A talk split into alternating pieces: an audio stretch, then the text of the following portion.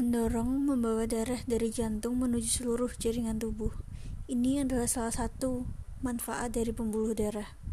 Oleh karena itu, pembuluh darah harus kuat dan halus agar dapat memindahkan darah dengan mudah ke organ inti, seperti jantung dan paru-paru.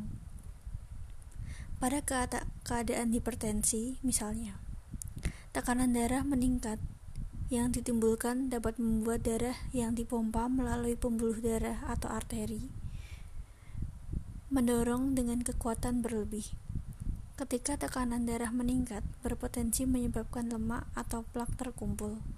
Dengan demikian, arteri menjadi lebih kaku dan sempit, sehingga mereka tidak dapat melakukan tugasnya dengan baik. Lalu, apa ketika terjadi hipertensi, kondisi apa saja yang dapat terjadi? Berikut adalah penjelasannya.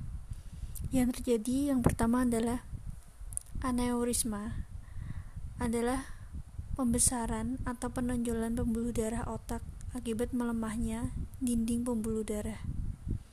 Jika pecah tentunya akan berdampak serius. Saat kondisi itu terjadi, tekanan dorongan keluar bagian dari dinding arteri dan melemahkannya. Kondisi ini bahkan mungkin terjadi di arteri mana pun, tetapi aneurisma paling sering terjadi di aorta yang mengalir di tengah tubuh.